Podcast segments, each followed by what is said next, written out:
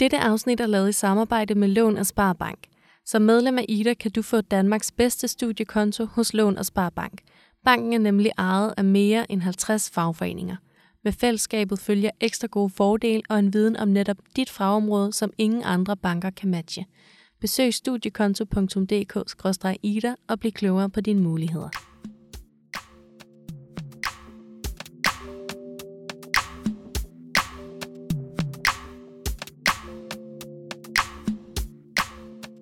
Økonomisk uafhængighed, et hus i Spanien, arbejde når du har lyst og med det du har lyst til. Lyder det som noget for dig? Så lyt med i det her afsnit, hvor Frederik, der står bag investeringsbloggen Ung med Penge, på baggrund af sine egne erfaringer med investering, vil give dig råd og tips til, hvordan du allerede nu kan komme i gang med at investere dine penge, så du kan opbygge en solid opsparing og en sund økonomi. Du lytter til Ida Lyd, Idas podcast til dig, der er studerende. Velkommen til Ida Lyd, hvor jeg i det her afsnit taler med Frederik, der står bag bloggen Ung med Penge. Velkommen til dig, Frederik. Jo, tak. Frederik, vil du ikke øh, først fortælle lidt om dig selv? Jo, det vil jeg meget gerne. Mit navn er Frederik, og jeg er 25 øh, år øh, lige om lidt. Jeg har en baggrund som bygningskonstruktør, hvor jeg blev færdig i december 2020. Og så til daglig arbejder jeg i et rådgivende ingeniørfirma kaldt Rambøl, hvor jeg øh, udnytter min, bruger min uddannelse som øh, bygningskonstruktør. Og det, jeg arbejder her i øh, Odense, hvor jeg også bor til daglig, hvor øh, vi også sidder lige nu og optager det her. Ved siden af mit øh, fuldtidsjob, der øh, driver jeg også øh, en side om øh, privatøkonomi, investering øh, og hvad der nu hører med ind under der, kaldt øh, Ung med Penge, som jeg har drevet i, øh, i snart øh, fire år efterhånden sådan, hvor jeg ligesom får øh, lov til at udfolde min interesse inden for de her øh, emner. Og hvordan hjælper du folk? Altså kan man gå ind på din side og så få sådan en øh, køreklar plan for, hvordan man skal øh, gå i gang med investering for eksempel? Øh, til dels, ja. Altså jeg, jeg fortæller meget bredt om emner og forsøger så vidt muligt ikke at anbefale sådan konkrete ting, men holder mig mere til sådan øh, informationsartikler, kan man sige. Så hvis det nu handlede om at, at købe en aktie, så fortæller jeg, hvordan du gør det og hvordan du kan gå ind, og hvilken platform du kan bruge, og de her ting. Men ikke nødvendigvis, hvad for en, en, en aktie du skal købe. Der kommer jeg måske nogle gange med lidt øh, sådan inspirationslister til, til folk med, hvad, hvad kan du finde i den her, sådan at folk selv kan, kan grave videre. Øh, jeg holder mig meget for de her sådan konkrete anbefalinger.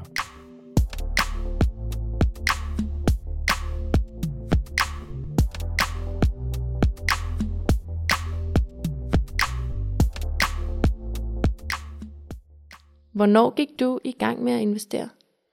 Det, det gjorde jeg i juli 2017. Jeg holdt et sabbatår efter mit øh, gymnasie, hvor jeg blev færdig i sommeren 16. Og så blev jeg fritstillet fra mit øh, sådan fuldtidsjob, og, og så dobbeltjobbede jeg en periode, hvor at, øh, jeg tjente rigtig mange penge, øh, og det gjorde så, at jeg lige pludselig havde en opsparing. Og, og det passer så med, at det, det kulminerer om det omkring, hvor jeg så begynder at, at rode i det her investering. Og så fortsatte du jo med at investere, øh, mens du var studerende. Hvordan fik, du, øh, hvordan fik du det til at hænge sammen? Jamen, jeg fandt hurtigt ud af, at øh, der, var nogle, der var nogle værktøjer, jeg ligesom skulle gribe, øh, gribe fat i, for at, øh, at jeg kunne få det til at lade sig gøre. Dels så er der en, en, handler det meget om at prioritere sin tid, og, og hvordan man arbejder studiemæssigt. Øh, det jeg gjorde sådan rent økonomisk, det var blandt andet at, at sikre mig, at jeg altid havde nogle, nogle penge til rådighed, hvis jeg skulle bruge dem. Øh, så det jeg gjorde, det var, at jeg fik opbygget den her øh, nødopsparing, som jeg kalder den, som er sådan en øh, opsparing til øh, uforudsete udgifter, som man ikke regner med, der kommer. Og øh, der blev selvfølgelig også løbende trukket lidt en gang imellem, da der blev brugt lidt flere penge en måned. Det jeg gjorde, det var, at jeg, jeg arbejdede faktisk rigtig meget ved siden af mit, øh, mit studiejob, øh, mit, min uddannelse, hvor jeg havde øh, typisk 15-20 timer om ugen, så det gav jo selvfølgelig noget luft. Øh, dels boede jeg også øh, ret øh, billigt i den bolig, jeg sad i, øh, så det gjorde, at der var noget luft. Og der fik jeg også øh, bygget den her vane, så inden jeg startede på, på studiet med at, at få lagt nogle penge til side. Og det gjorde jo så, at den, den havde selvfølgelig ikke lyst til at bryde den, den gode cirkel, kan man sige, der var, der var kommet i gang med at løbende og, og overføre penge til mine øh, investeringer. Hvad med sådan noget som SU-lån? Var det noget, du overvejede for at, øh, at bruge dem til at investere?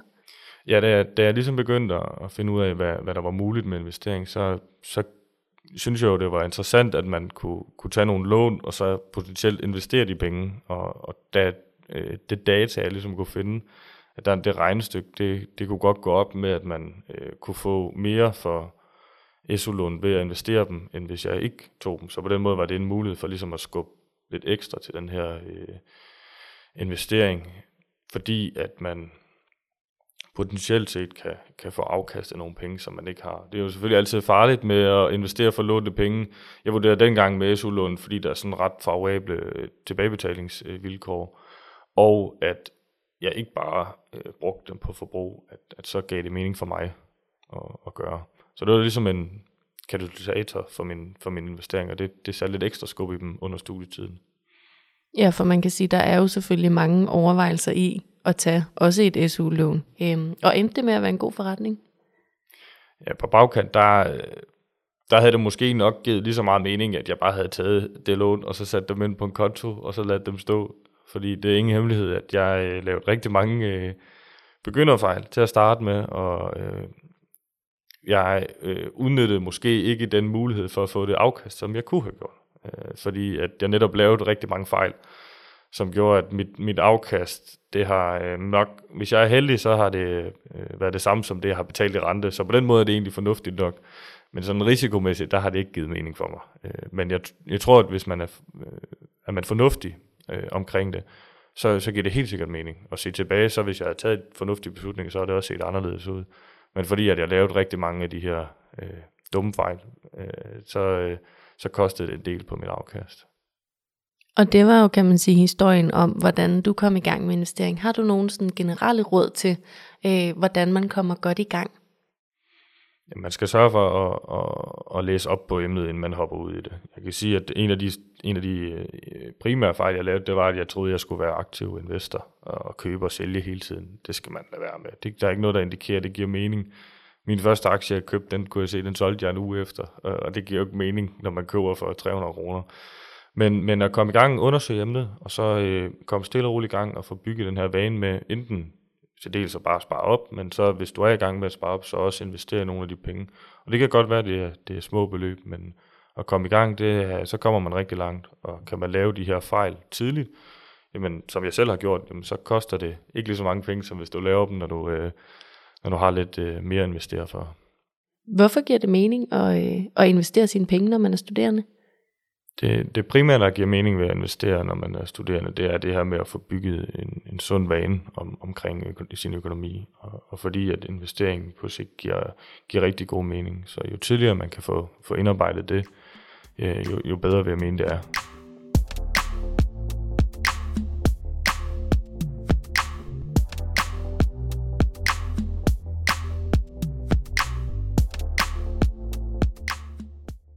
Kan du sige noget sådan generelt om, hvilke øh, typer af investeringer der findes? Øh, ja, der, der, der findes, øh, den, den oplagte, det er selvfølgelig aktierne, som, som rigtig mange kender, og som rigtig mange måske har lidt svært ved at forholde sig til, fordi man ikke tror, at det er sådan er for almindelige mennesker. Øh, men det er det faktisk, og det, det er efterhånden ret udbredt, at man også investerer i aktier. I, I sammenhæng med den, så er der de her øh, investeringsforeninger, som i princippet investerer i aktier, men investerer sådan lidt bredere i aktier. Det kan være, at man har det her øh, danske øh, indeks C25, jamen så kan du købe en investeringsforening, der indeholder de øh, 25 selskaber i C25. Så køber man en investeringsforening i stedet for at købe en enkelt aktie. Så er der også sådan lidt mere øh, ting, der ikke er sådan helt lige så nemme at gå til som øh, ejendom. Det kan man også investere i også investere i obligationer. Det er typisk øh, ikke så relevant for studerende, fordi det er, det er så meget konservativt, øh, og det er typisk, hvis du skal bruge dine penge sådan inden for en kort overrække. Så kan man også øh, ud i de her lidt alternative øh, investeringsformer, så er der kryptovaluta, som er rigtig populært for tiden. Der er også de her NFT'er, øh, digitale malerier og, og de her ting, øh, som er lidt, ja, det er meget alternativt. Og så er der også øh, sådan noget som crowdlending, som jeg også selv har gjort mig lidt i. Øh, så der findes øh, rigtig mange forskellige øh, investeringsformer, som man kan kaste sig ud i. Og hvad ser du som de øh, bedste investeringsmuligheder, når man er studerende? Jamen noget, man bør øh, gå ind og kigge på, hvis man, hvis man har en lidt længere tidshorisont, det er de her øh, passive investeringsforeninger, som er rigtig populære for tiden. Det, det er noget, der giver rigtig god mening, fordi det kan gøres rigtig simpelt og, og langsigtet med lave omkostninger, uden at man, en, man, øh, man slipper for at begå de fejl, der, der nu kan øh, begås. Fordi der, der bliver det håndteret af, af sådan en indeks, øh, kan man sige. Det, det er noget af det, man bør øh, begive sig ud i. Og hvordan kunne man komme i gang med det? Man kan jo starte med at gå ind og læse øh, lidt om det. Øh, det, det. Det er sådan det primære sted at starte. Øh, jeg vil anbefale, at man, man går ind for eksempel på min egen side eller andre sider, og så læser, hvordan folk har gjort, og, og hvad det egentlig omfatter. Fordi investering er et rigtig stort emne, og det er slet ikke sikkert, at det er det, der er, er det rigtige for en, men det er det, der giver mening for rigtig mange at gøre, også fordi det er nemt og simpelt. Og så øh, gå, ind og, gå ind og kigge og se, hvordan, hvordan andre folk gør, hvad man skal være opmærksom på, hvad faldgrupper der er, og de her ting. Det, er, det er et godt sted at starte, så man kan danne sit eget øh, indblik i, hvad det ligesom handler om. Og hvad investerer du i lige nu? Min øh, primære investeringsstrategi, det er i udbytteaktier. Øh, og så har jeg en portion også i det, der så hedder crowdlending, som er sådan investering i udlån. Og så har jeg øh, en lille smule i øh, på sådan en øh, øh, nødopsparing, den tæller jeg også med. Der har jeg også en lille smule øh, stående, og så har jeg også noget i investeringsforeninger. Så det er sådan meget blandet, men omkring øh, 70% af det står i de her udbytteaktier. Og nu siger du selv, at aktier kan være måske lidt svært at forstå. Øhm, så kan du sige lidt mere om, hvad en aktie er, om der findes forskellige typer af aktier? Ja, nu siger jeg øh, udbytteaktier, og det er så, hvad kan man sige, en specifik type af aktie. En, en aktie er øh, i princippet et værdipapir, der beviser, at du ejer noget af et selskab. Så øh, hvis vi tager en, en virksomhed, og der er 1000 aktier, jamen, og du har en enkelt, jamen, så ejer du så 0,1% af den her, øh, den her virksomhed. Hvor når vi så taler om udbytteaktier, så er det fordi, at der er nogle typer af, af virksomheder, der udbetaler øh, fra deres overskud af. Det er typisk nogle af de her sådan lidt mere etablerede virksomheder, øh, som øh, Coca-Cola og McDonald's. Dem her, der har været her i lang tid, som har opbygget en eller anden vis form for kapital, og så øh, har de et eller andet sted har de for mange penge stående, og så udbetaler de det. Det er ikke alle aktier, der gør det, og deraf kommer øh, navnet udbytteraktier. Så, så det er sådan de to man kan sige, ordnede typer. Så er der også en masse i forhold til forskellige øh, sådan sektorer, at du kan have dem i så kan det være en bankaktie, men det kan også være en sundhedsaktie. Dem er der også øh, forskellige typer af. Men det er sådan overordnet, øh, at det bliver delt op. Og så er det noget med, at der også findes øh, grønne og sorte aktier. Kan du sige lidt mere om det? Ja, det blev rigtig populært her øh, inden for de sidste par år, at man begynder at kigge på, på aktier, der fremmer den her sådan, øh, bæredygtige og grønne omstilling. Og det er selvfølgelig øh, det er noget, man kan tage højde for i sine investeringer. Det er ikke noget, jeg kigger forfærdeligt meget ind i, men det er noget, der bliver rigtig og er rigtig populært øh, på det seneste at investere i den her sådan, bæredygtige omstilling. Og det handler jo selvfølgelig om, at man, hvis man for eksempel investerer i enkelte aktier, at man så måske holder sig fra de her øh, olie-gas-selskaber, man kigger måske på solcelleproducenter, vindmølleproducenter og øh, virksomheder, der arbejder med affald og genbrug og de her ting, som, som måske er mere grønne, øh, i stedet for de her sådan sorte, fossile selskaber. Nu har du nævnt sådan noget som øh, øh, nogle ord som øh, passiv og aktiv investering og langsigtet og kortsigtet. Hvordan hænger de forskellige ting sammen? Jamen, generelt set så er øh, en aktiv investeringsforening, det er en, der forsøger, at, eller øh, generelt aktiv investering, det handler om, at man forsøger at slå markedet. Det vil sige, at det kan være øh, dig selv, men det kan også være en investeringsforening, der aktivt går ind og køber og sælger i håb om, at man kan præstere bedre end det markedet nu øh, giver af afkast. Det vil sige, det er køb og salg ofte, og det handler om, og så ligger de en strategi for, hvordan de tror, at markedet det vil udvikle sig, og så er det, det den måde, de agerer på. Den passive, det er i stedet, hvor man øh, køber øh, en aktie, for eksempel, og så lader du den stå. Øh, typisk kædes den også sammen med det her køb og behold. I investeringsforeninger, der taler man om passiv, når de forsøger at matche et indeks, det vil sige, at de køber øh, aktier, så det passer med det her indeks, i håb om, at man rammer øh, det gennemsnitlige markedsafkast. Og det er sådan to øh, lejre at være i. Det man kan sige sådan generelt, det er statistisk set, at der er ikke ret meget, der peger på en aktiv investering. Øh, det er en god idé.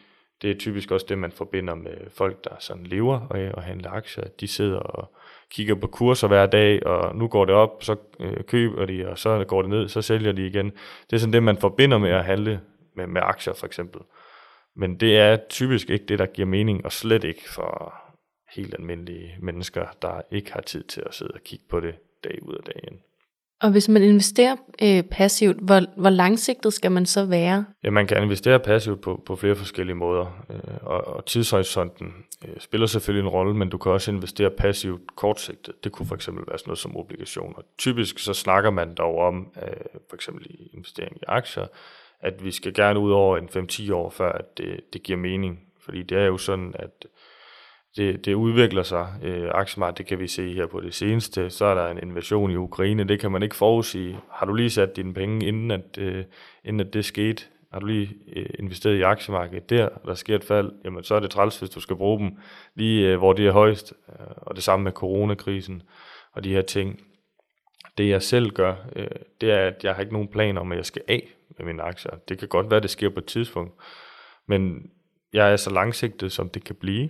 Det vil sige, at jeg køber dem for at, at beholde dem forhåbentlig i de næste 30 år.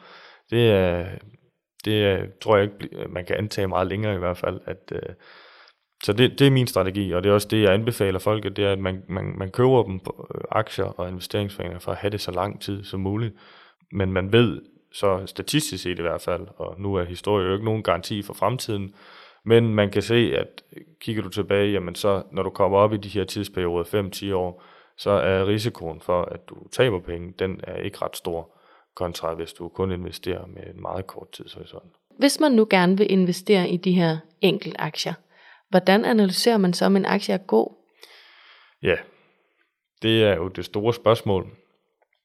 Og det er også sådan svært sådan helt konkret at sige noget om. Det jeg selv gør, det er, at jeg Øh, Øh, jeg kigger ikke så meget på øh, den enkelte aktie sådan i, i nøgletal og de her ting. Jeg kigger mere på, øh, hvad for nogle sektorer de er i, og så forsøger jeg faktisk at købe op ligesom sådan et indeks i en investeringsforening. Det er egentlig den måde, jeg øh, betragter det på. Det bliver ikke så økonomisk, øh, teoretisk, helt nede i detaljen. Det er lidt mere at kigge overordnet på, hvad har jeg øh, nu? Og så forsøger jeg at købe noget ind, der, der passer ind øh, der, hvor jeg mangler. Og så kigger jeg så, øh, fordi at min øh, strategi er med fokus på udbytte, så kigger jeg selvfølgelig på den del. Så har jeg øh, to aktier, der umiddelbart virker sammenlignelige, jamen så vil jeg foretrække en udbytteaktie, fordi det er det, min strategi fokuserer på.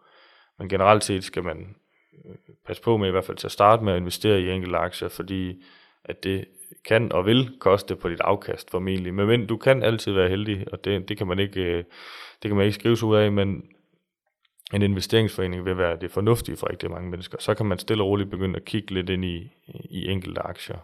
Og det er for, at man simpelthen spreder sin, øh, sin risiko ved at blive investeret lidt mere bredt?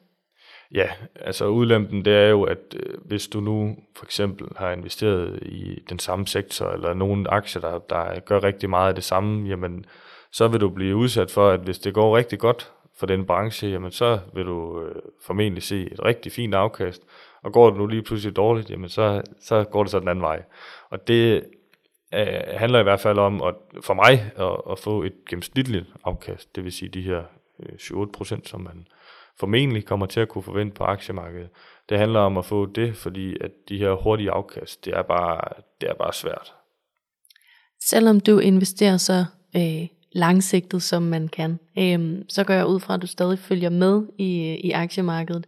Øh, Hvordan gør du det? Dag til dag, der følger jeg ikke ret meget med. Men jeg laver hver måned, der laver jeg sådan en opgørelse over, øh, hvordan min sådan, portefølje ser ud, og hvordan de øh, enkelte aktier i min portefølje nu har udviklet sig. Og deraf, der bliver jeg selvfølgelig nødt til at forholde mig til, hvordan det ser ud.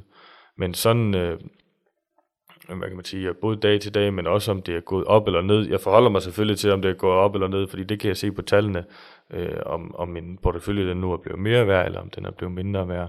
Men det er ikke noget, jeg sådan aktivt øh, handler ud fra. Det er mere en konstatering, og så sige, jamen, okay, det er gået 5% ned den her måned, eller det er gået 2% op, eller hvad det nu er. Det er mere for at forholde sig til, til udviklingen, men ikke sådan, at noget, jeg aktivt tager, øh, ikke noget, jeg aktivt gør noget ved. Hvis man nu godt kunne tænke sig at følge lidt øh, mere med, har du så et godt råd til, øh, hvor man gør det hen, eller hvordan man gør det? Øh, ja, man kan starte med at så følge med på nogle af de her finanssider, der nu er som finans og, og børsen og det her. Det man skal passe på med det her, der kan hurtigt gå rigtig meget tid, fordi man føler, man skal sætte sig ind i det hele. De her sådan generelle samfundstendenser, dem kan man formentlig se i alle steder øh, på de store nyhedsmedier, fordi det, det, det fylder generelt øh, i alle, alle steder, uanset om det så er med fokus på investering eller hvad det nu er.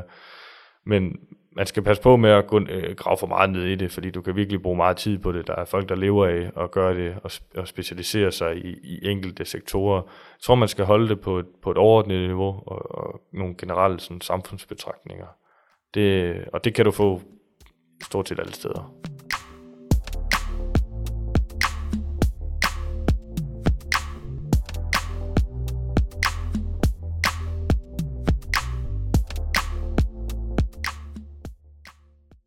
Hvad er din motivation for at, øh, at investere? Den, primære motivation for mig, det er at, at på et eller andet tidspunkt og forhåbentlig at blive økonomisk uafhængig. Øh, og det er egentlig noget, der jeg har drømt om indirekte i 10-12 år, tror jeg. Øh, fra helt da jeg var i starten af min teenageår, der, der drømte jeg om passiv indkomst. Det er lidt det samme. Øh, nu har det så bare fået et lidt finere begreb i økonomisk uafhængighed. Men det er, det er det, jeg drømmer om. Jeg drømmer om at potentielt set at kunne øh, lade være med at arbejde, fordi at jeg kan leve af mine investeringer. Og om det så er en virksomhed, jeg bygger op, eller om det er investeringer i aktier, eller hvad det nu er, det er mit overordnede mål. Og hvor tror du, den drøm kommer fra? Den, den kommer øh, efter en indsigt i, at jeg er meget sådan... Øh, øh, det, kan, det kan svinge ret hurtigt, hvad jeg har lyst til at lave. Øh, jeg havde ikke nogen drømme om, at jeg skulle arbejde med byggeri, da jeg startede, og i øvrigt blev færdig med gymnasiet, det fandt jeg så ud af, at det vil jeg lige pludselig gerne. Så jeg kan mærke, at øh, de interesser, jeg har, de skifter rigtig meget over, over måske nogle år. Så den her mulighed for at kunne gøre lidt, hvad der, hvad der passer ind, den tiltaler mig rigtig meget. Hvorvidt det er at skifte job, måske gå ned i løn, finde et eller andet øh, frivilligt arbejde, tage ud og rejse, det, det ved jeg ikke, hvad det er, men jeg ved, at hvis jeg øh, starter tidligt og, og får lavet det her fundament, jamen, så kan det give nogle, øh, nogle muligheder for mig. Øh, så på den måde sikrer jeg min fremtid på en eller anden måde, fordi at jeg giver mig nogle muligheder i fremtiden, som jeg ikke har lige nu ved at gøre det. Og hvad er dine, øh, dine udsigter til den her økonomiske uafhængighed, og har du måske nogle øh, delmål undervejs? Ja, jeg, jeg arbejder rigtig meget med, med mål, og, og mit, mit, jeg har et delmål lige nu, der hedder lige knap 900.000, øh, som er mit første delmål. Og mit overordnede mål, den, øh, den kender jeg ikke helt endnu, fordi det afhænger, det afhænger rigtig meget af, hvad man gerne vil. Øh, vil jeg gerne øh, bo et eller andet sted i Spanien, med, hvor der er forholdsvis lave leveomkostninger, jamen så skal der ikke så meget til. Vil jeg gerne øh, bo i Danmark i et stort hus og have en fed bil, jamen så skal der lidt flere penge til. Og, så, så det overordnede beløb øh, har jeg ikke sådan øh, helt øh, fastsat endnu, fordi at jeg ved simpelthen ikke, hvad jeg gerne vil. Jeg ved bare, at hvis jeg, hvis jeg øh, gør noget for at komme derhen, jamen, så kan jeg tilpasse det, når jeg kommer lidt længere. Og der skal helt sikkert også sættes et, et mål, nyt mål, når jeg har nået, øh, nået det første her. Og hvor langt er du i det, i det første mål? Jamen der er jeg øh, omkring 65% af vejen til de her 900.000. Jeg har øh, i øjeblikket, øh, som vi taler sammen nu, lige knap øh, 600.000 stående i, i sådan investeringer. Og det første mål er jo så på, på lidt over 900.000, og, og der, det er sådan et øh, økonomisk øh, fordelagtigt skattemæssigt scenarie, hvor man udnytter sådan lidt forskellige øh, satser øh, i det danske skattesystem, sådan at man i princippet kan, hvis jeg flyttede til et, et sted, der var øh, med lave omkostninger, så ville jeg kunne leve med at arbejde meget få timer om måneden. Øh, og det er det, det delmål kommer ud fra, og der er så noget af de her cirka 65 procent af, af, af vejen. Og kan du sige noget om, hvor meget du har investeret for ligesom at opbygge de her 600.000, du har nu? Det ligger omkring øh, cirka 450.000. Det er der omkring, at det ligger. Øh, og der er der jo så nogle penge, der er investeret fra de her SU-lån. Øh, det er omkring 150.000, så vidt jeg husker. Øh, og de her 450 er så vokset til lige knap 600.000. Deriblandt har jeg også været uheldigt med, at jeg har tabt omkring øh, 25.000 på sådan lidt alternative øh, investeringsformer, øh, som jeg så ikke gør så meget endnu, men øh, så, så det skal selvfølgelig pilles ud af, af afkastet også. Hvad er din bedste investering? Altså overordnet set, så er den bedste investering, det er jo at komme i gang med det her, kan man sige. Det er sådan, øh, sådan lidt overordnet, der er det den bedste investering, jeg har gjort mig. Øh, fordi at det gør, at jeg bruger, har en masse penge, jeg ikke bruger. Fordi at jeg simpelthen synes, det, det er sjovt at investere dem. Jeg tror, min, øh, min bedste investering, det er en ejendomsaktie over for USA, der hedder øh, EPR Properties, som er steget øh, 115 procent, tror jeg, den er. Men det er igen ikke noget, jeg forholder mig så, sådan, så meget til. Jeg kigger på den overordnede udvikling, øh, og hvor det går hen af. Så om den ene aktie den er steget dobbelt så meget som den anden, det er egentlig ikke noget, jeg forholder mig så meget til.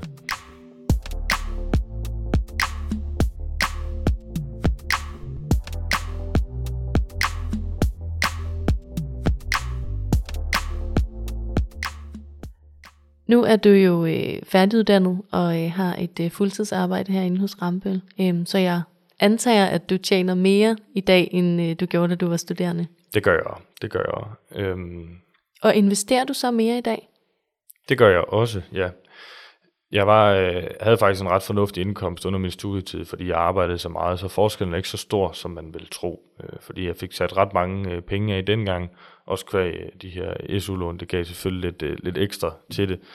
Men jeg investerer mere i dag. Jeg investerer cirka, øh, i øjeblikket investerer jeg mellem 10 og 12.000 kroner hver måned. Øh, og under min studietid, der lå jeg vel gennemsnitligt på 5-6.000 kroner, tror jeg. Øh, så det er jo så cirka fordoblet.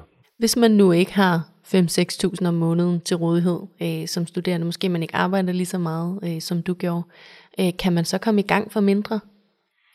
Ja, det kan man. Øh, de her investeringsforeninger, dem kan man købe helt ned til faktisk et par hundrede kroner, tror jeg. Øh, det jeg øh, typisk anbefaler folk, det er at gå ind og kigge på det, der hedder Nordnets månedsopsparing, hvor man kan komme i gang for 500 kroner om måneden. Og har man nu ikke 500 kroner om måneden, så er der jo også mulighed for, at man kan sætte af og så købe op, som det nu passer, når man nu har samlet de her øh, penge sammen. Fordi jeg vil helt klart anbefale, at man kommer i gang med det, om det så er 100 kroner, man kan finde hver måned, netop for at få bygget den her vane, både med at spare op, men også med at få investeret sine penge, fordi det er en super sund vane at få indarbejdet. Så selvom det er, er små beløb, så, øh, så kan man godt komme i gang. Og er det altid en god idé at gå i gang? Nu nævnede du selv tidligere den her invasion i Ukraine. Altså er det et godt tidspunkt nu at gå i gang med investering? Det er, det er jo altid svært at sige noget om, hvordan markederne kommer til at se ud. Og, og det er der rigtig mange eksperter, øh, der forsøger at vurdere, når man nu kommer det til at gå op, nu kommer det til at gå ned. Sådan øh, statistisk set, så er det altid det bedste tidspunkt, det er at gå ind nu. Fordi det, det viser sig, at når folk de forventer, at markedet det går ned, jamen så ender det med at gå op og omvendt.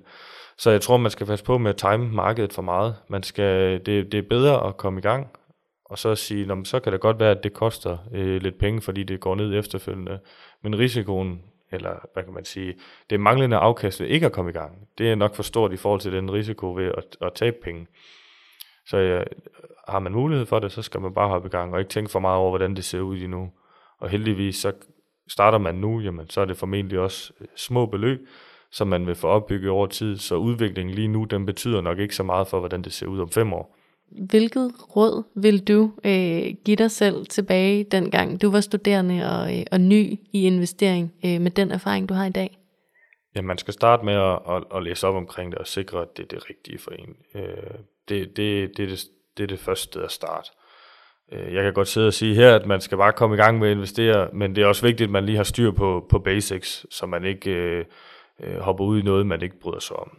Men ellers så er det bedste råd, det er at komme i gang, fordi at man får bygget den her vane. Og er man ikke i gang med at spare op på nuværende tidspunkt, så er det også et spørgsmål om at få bygget den vane til at starte med, og så kan man kigge på investering. Fordi at vender du dig til, at du ikke bruger dine penge, øh, du ikke tømmer din kan man sige, bankkonto hver måned, det er simpelthen så stærk en vane at, at have, fordi at så er der overskud i ens økonomi. Tak fordi, at du ville være med, Frederik. Tak fordi jeg måtte.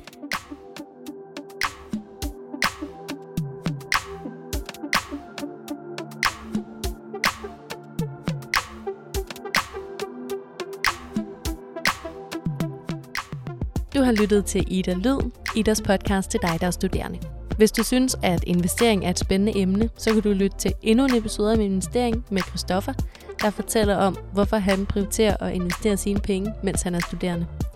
Du kan finde alle afsnit i serien på Apple Podcasts, Spotify, SoundCloud eller der, hvor du plejer at lytte til podcast. Mit navn er Augusta. Tak fordi du lyttede med.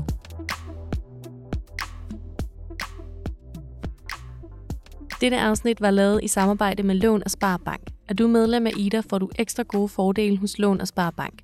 Det bedste er, at du kan beholde alle dine fordele op til tre år efter, at du er færdiguddannet. Besøg studiekonto.dk-ida og bliv klogere på dine muligheder.